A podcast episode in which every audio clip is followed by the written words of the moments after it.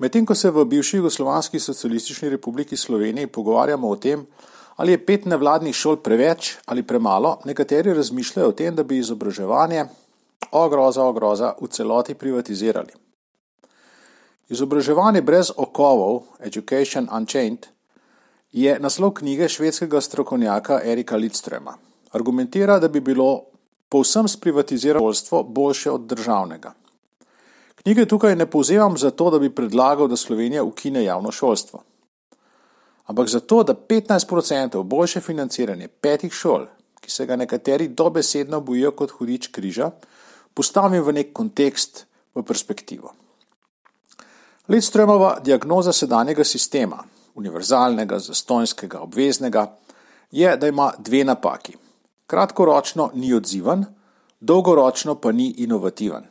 Kratkoročno, če starši ali otroci ali delodajalci niso zadovoljni, se ne zgodi skoraj nič.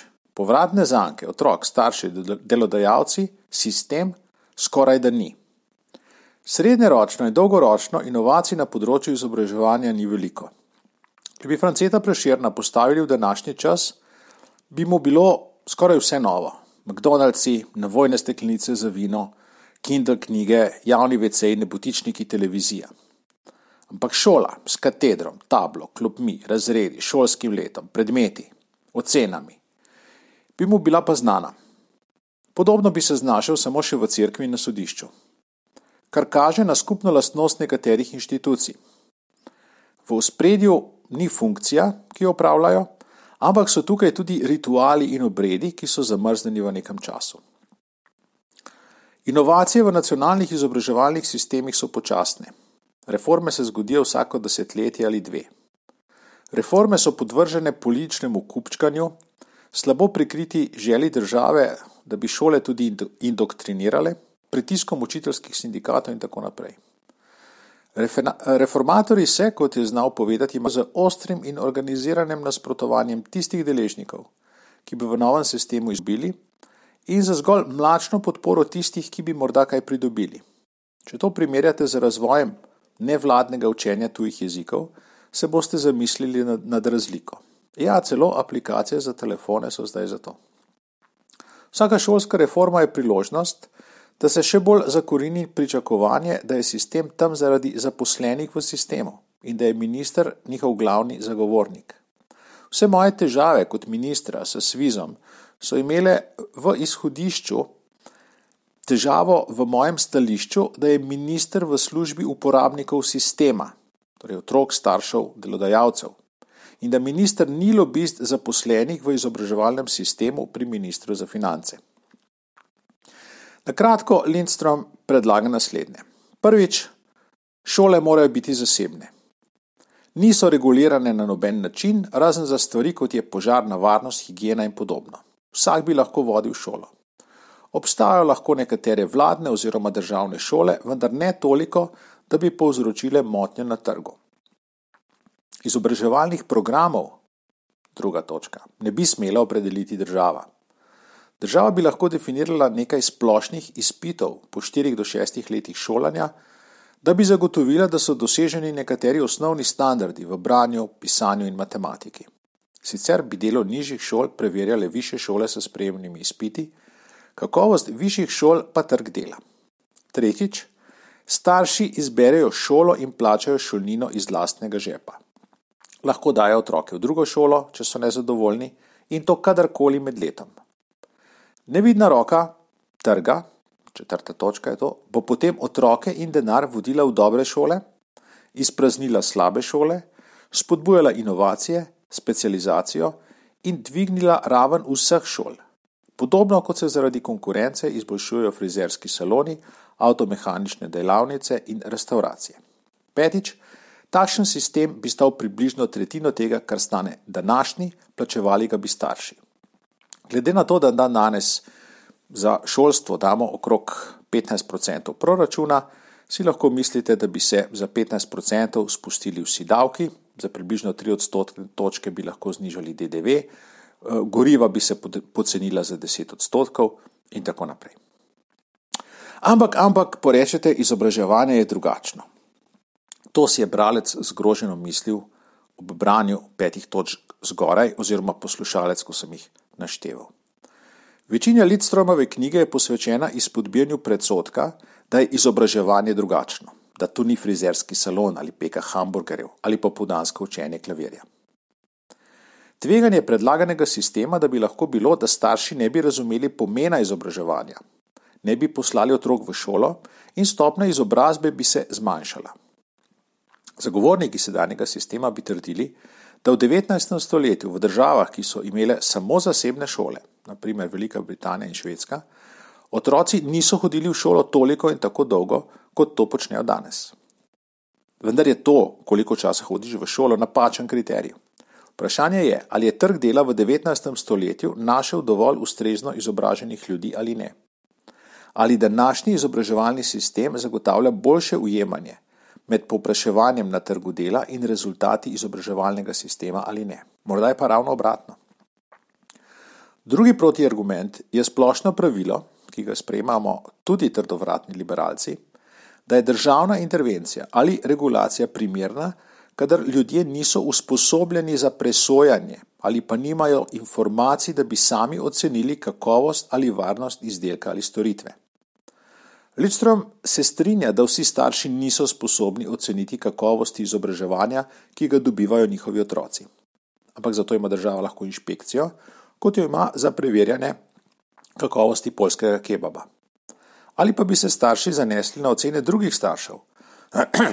Natanko tako, kot se hotelski gostje danes bolj zanesejo na ocene kakovosti hotela, ki jo dajo drugi gosti, kot na zvezdice, ki jih deli državna agencija. Dejstvo pa je, da vsaj nekateri starši lahko presojajo kakovost poučevanja in drugi starši lahko sledijo njihovemu zgledu. Proti argument da, tudi, da bi bile šole na podeželju zaradi pomankanja konkurence morda slabše kot v mestih. Pozabili smo, da so se trgovine, restauracije in avtomobilski servisi izboljševali tudi na podeželju in ne samo v mestu. In da ni bistveno, da so vse šole enako dobre ali slabe, ampak je bistveno, ali so podeželske šole v sistemu brez okovov boljše ali slabše od istih šol danes.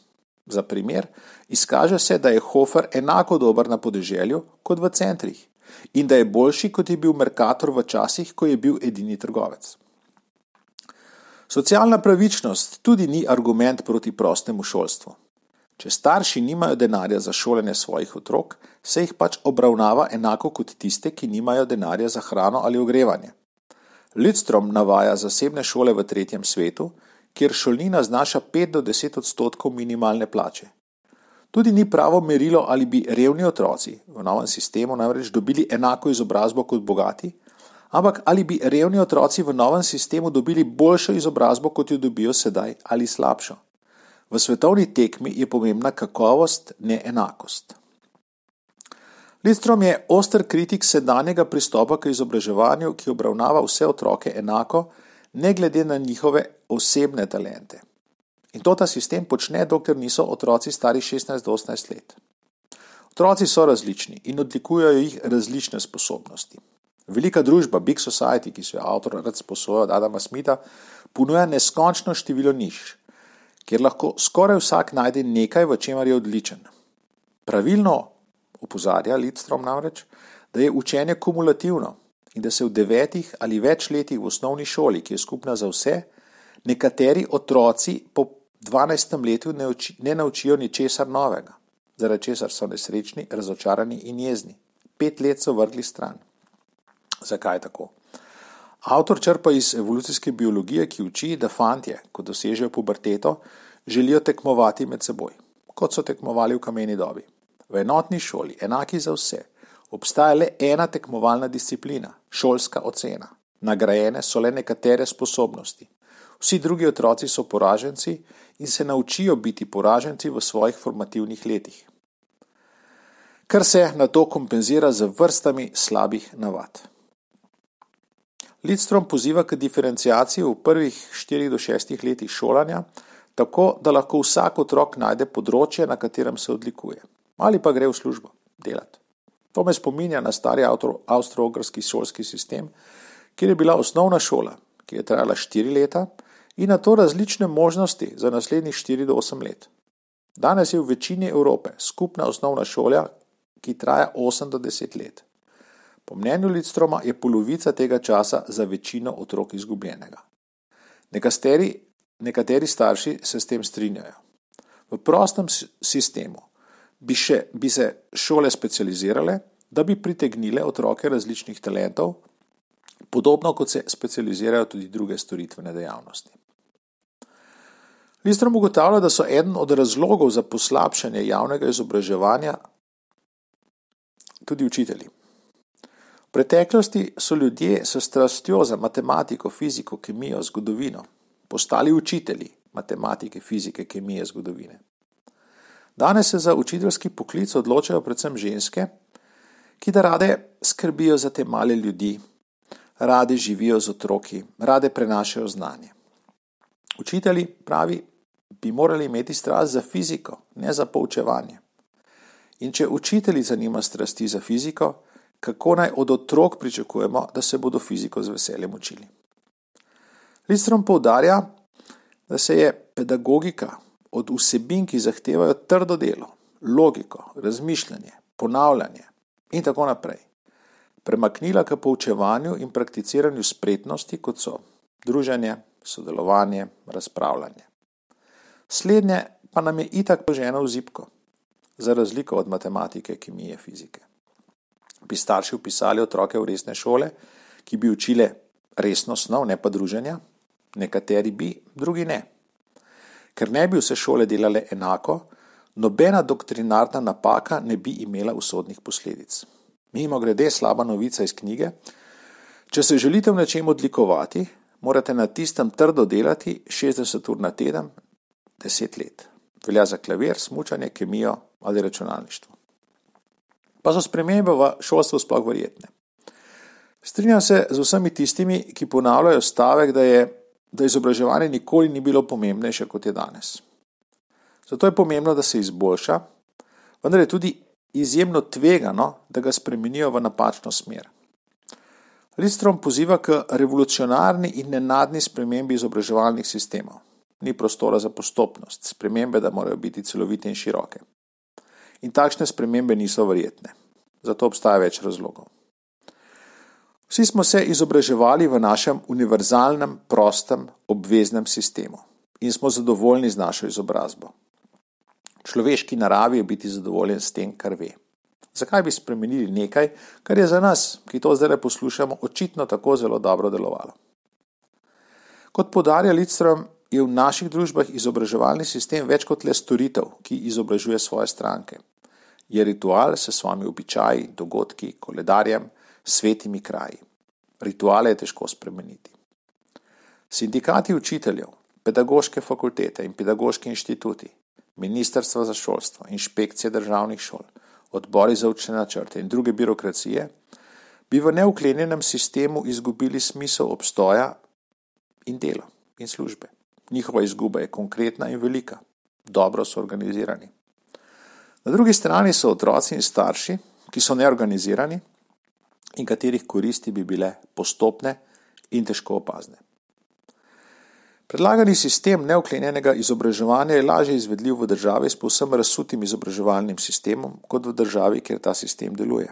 Bi ga pa lahko implementirali na področju vseživljenjskega učenja in v prekvalifikacijah, ki jih bo zahtevala industrija 4.0. Ker to postaje nujnost, bomo kmalo gledali boj obstoječih inštitucij, da si podredijo tudi to vrsto izobraževanja. Skratka, predlagani sistem je utopija. Toda vloga utopije je pokazati, kaj bi lahko bilo in dvigniti ambicije tega, kar je. Tudi kot take so utopije dragocene. Ta utopija tudi pove, da bi lahko razmišljali o več kot petih nevladnih šolah in se svet ne bi podaril. Nasprotno.